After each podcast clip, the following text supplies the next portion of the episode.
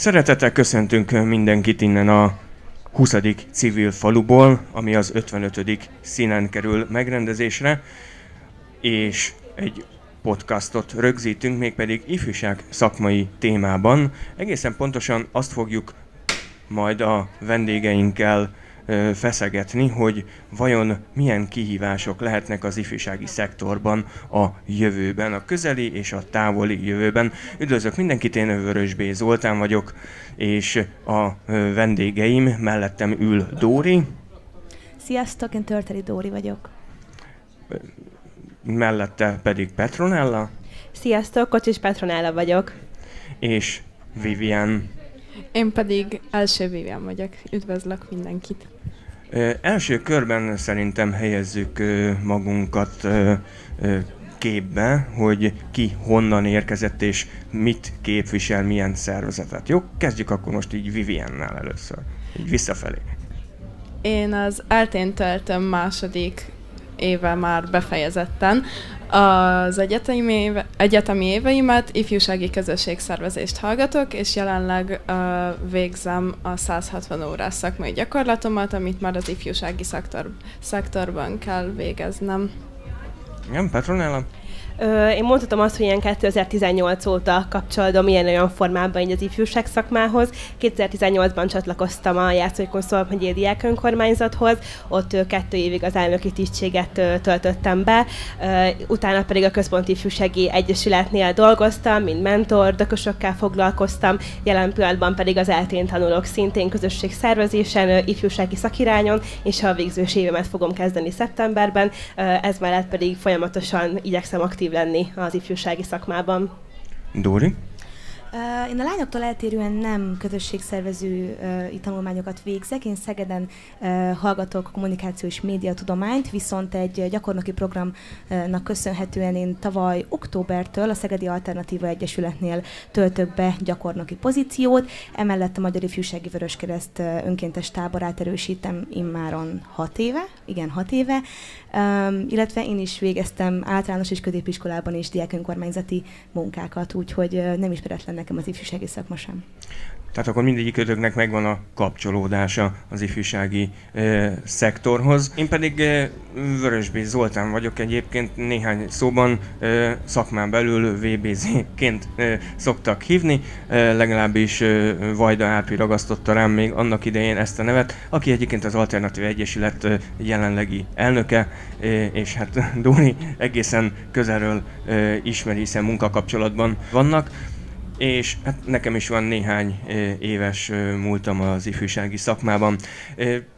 Picit helyezzük a szakmát, most így ezt az ifjúsági szektort. Jelenleg ti, mint félig meddig pályakezdők, félig meddig már tapasztaltak, illetve ezt a szakmát tanulók, hogyan látjátok ezt a szektort, hogy milyen, mi a jelenlegi helyzete. És nyugodtan elmondhatjátok, hogy adott esetben miért pont az ifjúsági közösségszervezést választottátok, hiszen az azért nyilvánvaló szerintem mindenki számára, hogy ez is azok közé, a szektorok közé tartozik, ahol viszonylag kicsi az esély annak, hogy valaki milliárdos legyen. Tehát nem az anyagi haszonszerzés okán szoktak ide menni tanulni.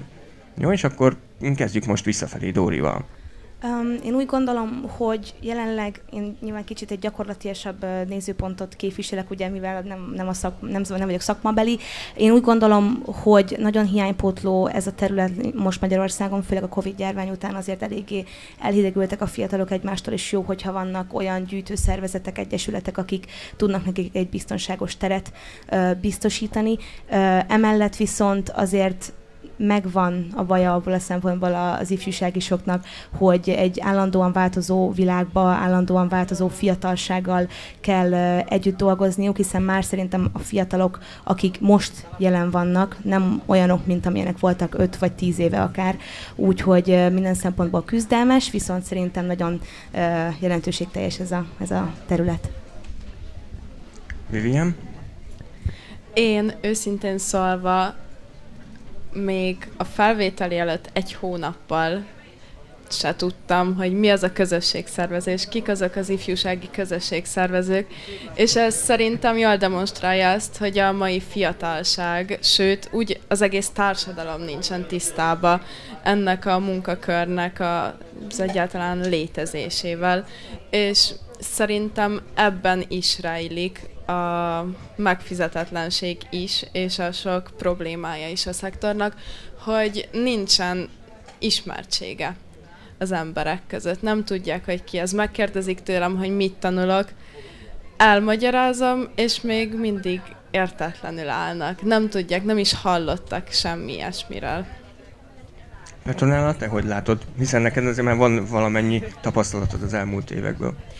Igen, én is így csatlakoznék az előttem szólókhoz a, uh, abban leginkább, hogy nem ismerik ezt a szakmát, nem ismerik, hogy igazából mi létezünk és tevékenykedünk. Uh, egy személyes példa, hogy uh, mielőtt csatlakoztam a diák önkormányzatokhoz, uh, én sem tudtam például, hogy amúgy ilyen létezik, van egy mondjuk egy közösségi tér, ahova bár, bármikor be tudok menni, és ott meghallgatnak, és szerintem pont ezért nagyon-nagyon fontos, hogy, uh, hogy aki akár egy diák önkormányzatba, akár egy ifjúsági szakemberhez fordul, belép egy közösségi térbe, akkor akkor, akkor érezze azt, hogy ő igenis egy, egy közösséghez tartozik, ő egy befogadó közösségnek a tagja tulajdonképpen, ahova bármikor tud ö, kapcsolódni, és bármikor be tud menni, meghallgatják, rendezvényekre eljár, bármi ilyesmi. Ö, nekem igazából, ami így a motivációm volt nagyon így ebbe a szakmába, az ugye maga a diák önkormányzatba jött. Tehát én mindig azt szoktam mondani, hogy, hogy szívvel, lélekkel érdemes csinálni ezt a szakmát, és, és így lehet leginkább, hiszen tényleg ez egy, egy hiánypótló szakma, én azt gondolom, mert azért még mi is fiatalok vagyunk, mi is látjuk a kortársainknak így a, a helyzetét, és legyen szó akár a mentális egészségről, akár továbbtanulási dolgokról, hogy tök jó, hogyha ott vagyunk nekik, és mi is néhány éve, egy-két-három-négy éve léptünk túl ezen az életszakaszon, és tök jó, hogyha mi is ilyen közelről, ö, nagy közelségben tudjuk a mi tapasztalatainkat mondani. Igen, ezt én is így szoktam ö, ö, meghatározni, illetve én azt szoktam mondani, hogy ez nem szakma, ez egy hivatás. Említettétek itt a különféle igényeket.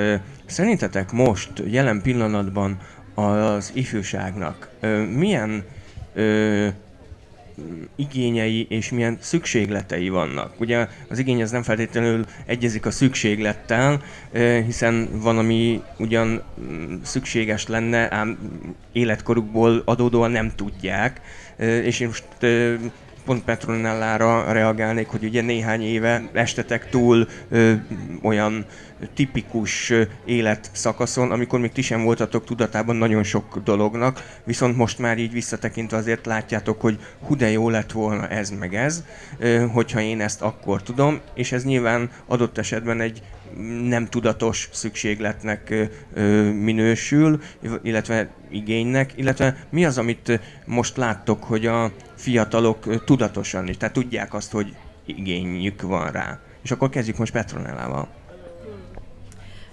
Én mindenképpen elsőnek a valahova tartozást mondanám. Tehát így az utóbbi években ez így nagyon kijött, én is például saját magamon tapasztaltam, akár kortársamén barátaimon, hogy is szükségünk van arra, hogy egy közösségnek a tagjai legyünk, ahol meghallgatnak bennünket, mindig jó szívvel uh, tudunk visszamenni, legyen az tényleg bármilyen közösség, egy baráti társaság. Szóval erre van szerintem egy, egy borzasztóan nagy uh, szükség tulajdonképpen, meg így igazából fiatalok vagyunk a szórakozási lehetőségekre. Tehát, hogy, hogy tényleg akár egy fesztivál, fesztivál, bármilyen ilyen rendezvény, ahol így, ahol így tök jó együtt lenni, vagy nem kell mondjuk, oké, okay, egy, egy nagy fesztivál nyilván az, az minden magá, magával járó dolgot azért hoz nagyon sok uh, élmény, de akár tényleg egy kisebb uh, baráti uh, főzés mondjuk, vagy bármi ilyesmi erre, erre mindenféleképpen, illetve szerintem, hogy egy valaki egy ilyen kis irányt mutasson nekik, akár továbbtanulás szinten, akár lakhatási lehetőségekben például. Nekem például tök jó lett volna, mikor, uh, mikor én vidékről felköltöztem Budapestre, hogy akkor valaki így nekem ezt így elmondja, hogy amúgy rám Budapesten vidéki lelkén mi fog mondjuk várni, hogy tényleg Budapesten melyik villamosra kell felszállni, vagy bármi ilyesmi. Szóval, szóval tényleg, amikor így egy, egyik életszakaszból a másikba ö, átlépünk, hogy ott legyen egy, egy mankó valaki, aki, aki ott van, és minden kérdésünkre tud választ adni. Dóri, te hogy látod? Teljes mértékben egyetértek Petronellának a hozzáfűzni valóival. Szerintem is talán ez a három fő alappillére, amiket ő itt említett, illetve ami nekem először eszembe jutott, amikor feltette a kérdést, ez tényleg ez az útmutatás, hogy legyen egy olyan biztos pont a fiataloknak az életében, akik kezet nyújtanak feléjük, hogy akkor most ők segítenek eligazodni bármilyen témában. Nekem például, ami eszembe jutott, vagy voltam első éves az egyetemen, és hallgatói önkormányzat rengetegek segített nekem abban, hogy merre induljak el. Hiába azért nyilván Szeged kisebb város, mint Budapest, de hát itt is el lehet azért veszni. És nem csak fizikai értelemben értem, hanem tanulmányi kérdésekben is. Nagyon sok mindent meg kellett nekem is tanuljak, és ezen keresztül szerintem egy, egyfajta kötösségépítést is lehet azért végezni, mert az, akinek pozitív élménye van, szerintem a segítségnyújtás közben egy adott szervezettel vagy egyesülettel, az ott fog valószínűleg maradni, és utána már jöhet tényleg a szórakozás meg a buli része, hiszen el fog menni bármilyen civil szervezet által szervezett programra, hiszen beszippantja ez a közösség. Vivian, hogy látod? Én a segítségnyújtásra reflektálnék szintén egy saját példával, hogy a jövőkép vagy célok adása. Például, amit mondtam, hogy nem tudtam a szakmáról, amit tanulni fogok semmit, amikor jelentkeztem rá, nem is tudtam, hogy létezik. Szóval a lehetőségeknek, a céloknak, az utaknak nem is egy pontos útmutatás, csak legalább lehetőségeket hadd kapjanak a fiatalok egy ilyen nagy döntés előtt, ami az életpályájukra vonatkozik illetve a mentális egészség. A Covid után nagyon sok fiatalnak vannak mentális problémái. Erről a minap beszéltünk, egy pécsi nyári egyetemen voltunk Petronellával, és volt egy ilyen workshop, ahol a mentális egészségről beszéltünk. Ez egy szakmai továbbképzés volt, tehát az ifjúsági szakemberek vettek részt ezen, és arról beszélgettünk, hogy milyen hatással volt a COVID az egyedüllét a fiatalokra, a közösségekre, és hogy ezekkel kell most a legjobban foglalkoznunk a közösségek újraépítésén, a fiatalok mentális egészségének újrafelállításán, mert még mindig nagyon nagy hatással van ez a két évvel ezelőtti zár a mostaniakra is. Ezzel rá is tértem a következő kérdésemre, hogy a szakmának milyen kihívásai vannak. És itt nyugodtan lehet egy kicsit nagyobb távlatban is gondolkodni, akkor ezek szerint nyilván a közösségszervezés, illetve ezek az információ nyújtás, közösségi élmény az, ami a közeljövőben az elsődleges, de hogyha egy picit tovább gondolkodunk, akkor ti hogy látjátok, hogy a szakmának milyen kihívásokkal kell szembenéznie, vagy akár a képzésről is lehet, képzésetek kapcsán is lehet adott esetben, hogy mi az, amit láttok, hogy mondjuk e a jövő ifjúsági szakemberének mondjuk szüksége lehet erre a valamire, ami majd ti elmondatok, hogy pontosan mi ez. És akkor kezdjük Dórival.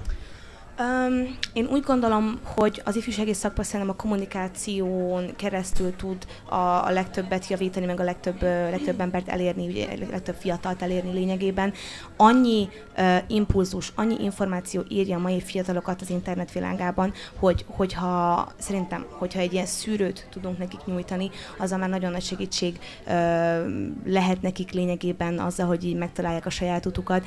Uh, nyilván nehéz szerintem kommunikálni mindenkinek a saját egyesületét, hiszen hál' Istennek nagyon sok civil szervezet van most már, aki fiatalokkal foglalkozik, viszont mégis úgy látom, hogy valahogy nem találják meg a fiatalok a helyüket.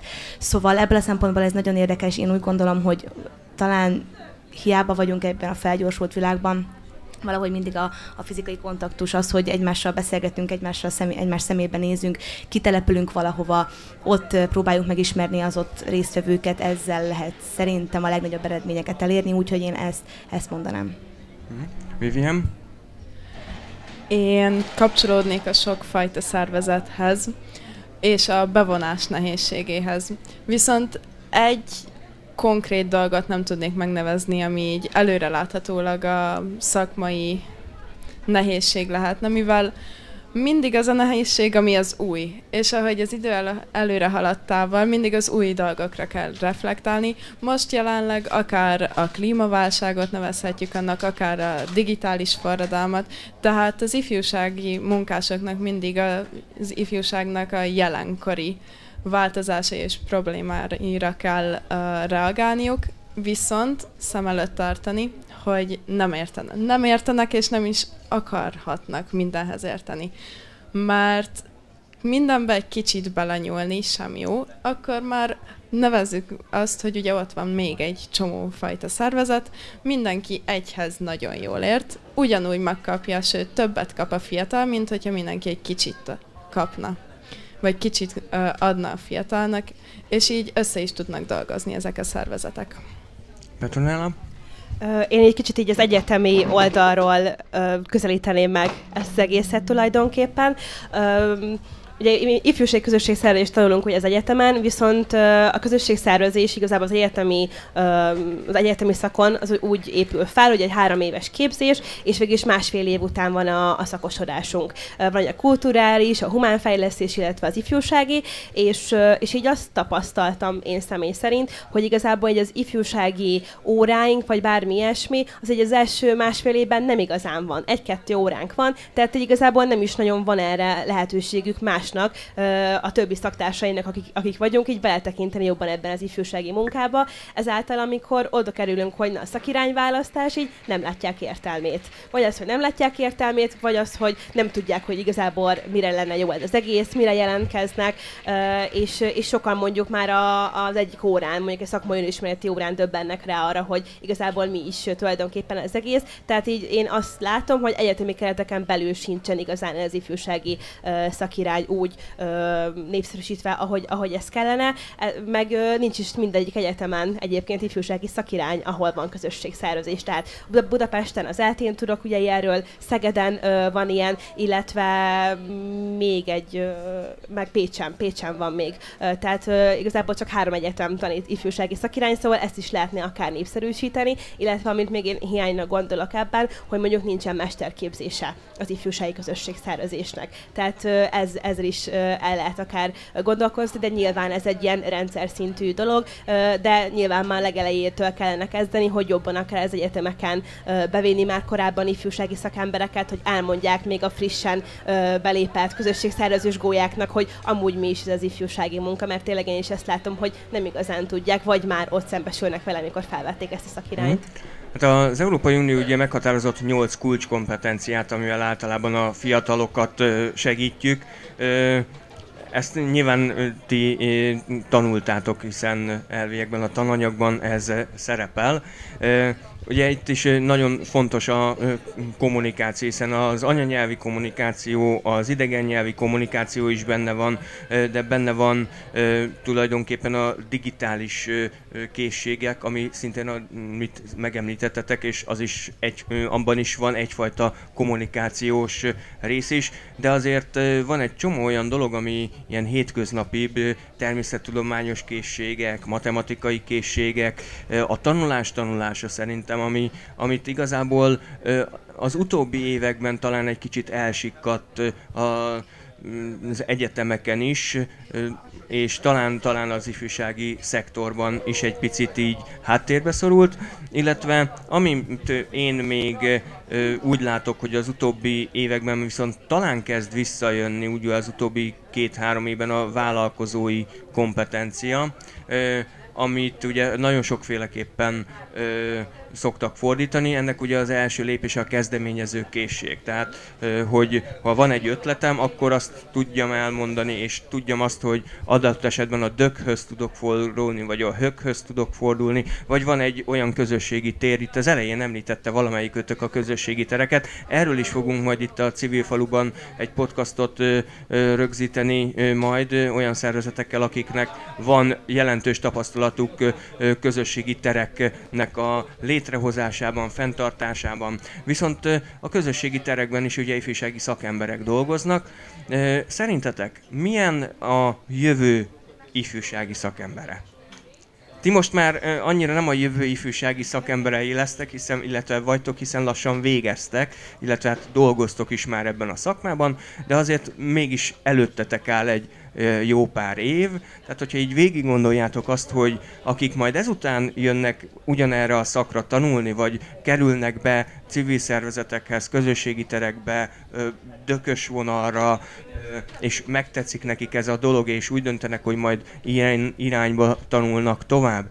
Szerintetek ők majd néhány évtized múlva, illetve nektek, miután végeztetek, és már gyakorló szakemberek vagytok, adott esetben egy 5-10 év múlva, ne talán ha annyira előre láttok, szerintem mm, olyan előre azért nem lehet, hogy 20-30 év múlva, de mondjuk így a jövő ifjúsági szakemberének szerintetek milyen készségekkel kell rendelkeznie, milyen, mi, milyen kihívásokkal, egyáltalán hogy fog dolgozni a jövő ifjúsági szakembere, mert az azért ez egy olyan szakterület, ami folyamatosan változik, és ezáltal egyébként megsugom frissen is tart, hiszen állandóan tanulnod kell. Dóri tapasztalja ezt mind a két oldalról, hiszen a média is egy ugyanilyen szakterület, a kommunikáció és média, ezt is tudom tapasztalatból, hogy mind a két helyen én is belenyúltam ebbe a történetbe annak idején, tehát mind a két helyen nem olyan, hogy egyszer megtanulod, és utána folyamatosan úgy kell csinálni, folyamatosan fejlődni kell. Szóval szerintetek a jövő ifjúsági szakembere hogyan néz ki, hogy fog dolgozni, milyen készségekkel kell rendelkeznie, és kezdjük most akkor Viviennel.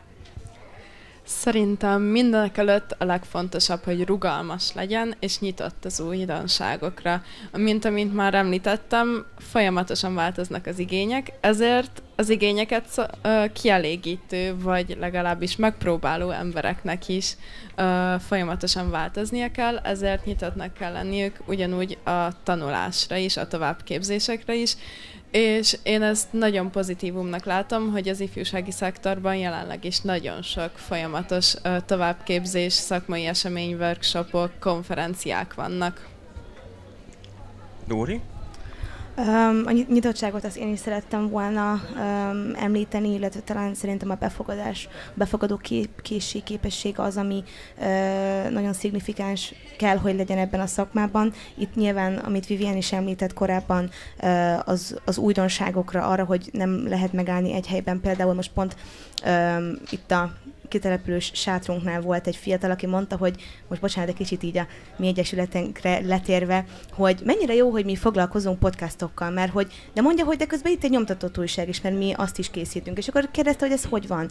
Mondom azért, mert tíz éve, most már hát sajnos a nyomtatott sajtó azért kezd kihalni, de tíz éve még nagyon szignifikáns volt, és valahogy ez megtetszett, ami fiataljainknak megtartottuk, de emellett hajlamosak voltunk egy uh, új eszközparkot, ha lehet így mondani, egy új eszköztárat is beújítani a közösségi terünkbe, hiszen fejlődni kell. Uh, a nyitottság, vagy a, bocsánat, a befogadó képességnek a másik része, amit szerettem volna mondani, most már hála Istennek annyira divers a mai fiatalság, a legpozitívabb értelemben értve, hogy uh, nem gondolom, hogy bármilyen hátrány kéne, vagy bárkinek is szenvednie, ezért úgy gondolom, hogy az, aki a jövő ifjúsági segítője szeretne lenni, annak mindenféleképpen egy ilyen fő tulajdonságának kell, hogy ez legyen. Úgyhogy szerintem, szerintem így. Petronella? Én az empátiát és segítőkészséget mindenféleképpen említeném. Én is tapasztalom azt a saját bőrömön, hogy, hogy bennünk így valamiért, valamiért nagyon-nagyon könnyen megbíznak a fiatalok, ami szerintem borzasztóan jó, viszont kell egy ilyen személyiség is emelni az ifjúsági szakembernek, hogy, hogy igazából sugalja azt magából, hogy tényleg nekünk elmondhat igazából ö, ö, bármit. Én is találkoztam nagyon sok olyan fiatal, aki a legkisebb problémától tényleg a legjobb problémáig elmondott nekem, nekem így igazából bármit. Ez mellett nagyon fontos nyilván, hogy ezt, ezt titokba tartjuk, vagy, vagy az, hogy próbálunk segíteni, de sokszor lehet nem is kell igazából a tanácsunk, csak az, hogy meghallgassa valaki. Mert, mert sajnos nagyon sok fiatal mondjuk otthon nem hallgatnak meg, nem, nem jutottak mondjuk annyira a szülei mondjuk erre, vagy nincsenek úgy egy barátsága, ahol meg tud nyílni, akkor ez nekünk valami szinten felelősségünk, hogy legalább őket meghallgassuk. Ez az egyik, a másik pedig ez a jó probléma megoldó képesség Én, én nagyon-nagyon megtanultam, mióta a szakmában vagyok, a változás menedzsmentnek a fogalmát. Ez, ez bennem nagyon-nagyon itt, itt lebeg minden egyes rendezvényen, egyesületben bármi, mert tényleg bármikor jött igazából bármilyen rendkívüli helyzet, amit ott is akkor meg kell oldani, és nincs idő ezen mondjuk gondolkozni, hanem akkor rögtön tenni kell és cselekedni, szóval erre is így, így mindig így készen, készen kell állni. Bocsánat, én ez annyit szeretném még hozzáfűzni, hogy szerintem rengeteg türelem kell ehhez. Hiába tényleg én csak most csöppentem bele ebbe a világba, úgy észrevettem azt, hogy nagyon sok türelem kell ehhez, ami nyilván, tehát szerintem olyan beállítottságú embereknek, amilyenek mi vagyunk, ez lehet, hogy nem esik nehezére, viszont ha valaki ebbe a, ezen a területen szeretne mozogni, ebben a, ebben a szférában szeretne mozogni, akkor nagyon sok uh, megértő képesség, meg türelem kell hozzá, úgyhogy tényleg a, azok, akik ilyen tevékenységet szeretnének végezni, azért jó, hogyha ezt figyelembe veszik így a podcast vége felé azért tegyünk említést a szervezetekről is, hiszen azért mm, itt kapcsolódtok szervezethez is hosszabb, rövidebb ideje. Szerintetek a jövő ifjúsági szervezete e, hogyan kell, hogy kinézzen? És akkor kezdjük most a hökös, dökös vonalról Petronellával. Hmm, ez egy nagyon-nagyon jó kérdés, hogy hogyan is kell pontosan kinéznie. Most már igazából nem titkos célom egy egyesületet létrehozni majd a későbbiekben, és, és én nagyon úgy tudnám ezt az egészet elképzelni, hogy mindenféleképpen kell egy tér, egy közösségi tér, ahova bármikor, bármilyen formában be tud, be tud menni a fiatal, és van ott e, e, legalább egy-két szakember, aki őt átkalokkal várja, akár egy babzsákkal, egy kávéval, egy pohár vízzel, bármivel, és hogy tudjanak beszélgetni, megnyílni, vagy akár nem tudom, egy filmet megnézni, játszani. Szerintem ez tök fontos, hogy, hogy be, legyen egy tér, ahova be tudjon menni uh, igazából. É, én azt gondolom, hogy a rendezvények is uh, nagyon-nagyon fontosak uh, így a szakmánkban, hiszen az szerintem az elsődleges olyan bevonási tér, ahol így bevonásra kerülhet egy szervezeti munkába az adott fiatal, ahol elsőnek megismerkedhet az ott lévő közösséggel, és akkor ott meglátja, hogy úristen, itt tök jó uh, kis közösség van, ide szeretnék tartozni, és hogy ez, uh, hogy ez egy befogadó befogadó ö, közösség legyen tulajdonképpen. Amit még én, én fontosnak gondolok, és például a saját egyesületemben ezt én mindenféleképpen szeretném továbbvinni, ezek a képzések. Leginkább olyan képzésekre gondolok, amit mondjuk az iskolában ö, nem annyira ö, tanítanak. Legyen tényleg akár egy probléma megoldás, egy kommunikációs ö, képzés, hogy önismeret például szerintem az is egy tök fontos dolog a fiatalok körében, és hogy erre legyen akár ebben a közösségi térben, vagy egy iskolában mondjuk, ha úgy adódnik, beengednek, és akkor ott a fiatalokat ez ezzel elérni. Szóval itt tényleg, hogy sok minden, sok színű legyen egy, egy ö, szervezet, de mégis ebben a sok mindenben profi. Vivien, te hogy látod? Én egy kicsit más szemszögből közelítem meg.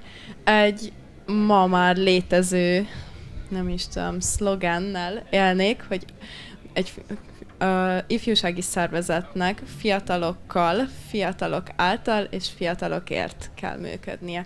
Tehát uh, ez alatt azt értem, hogy nyilván fiatalokkal, hogy a megvalósításban is részt vegyenek a fiatalok. A fiatalok által hogy a döntéshozásba is, az ötletelésbe, az inspirációgyűjtésbe is bevonják őket, és nyilván a fiatalokért, tehát olyanokat ö, vigyenek véghez, amik a fiatalokat szolgálják. Mert akár lehetünk mi most 20 évesek is, fiatalok, de nem biztos, hogy mi ki tudjuk ezt találni, hogy a 14 éves fiatal mit szeretne. Tehát nagyon fontos a célcsoport bevonása is a működésbe.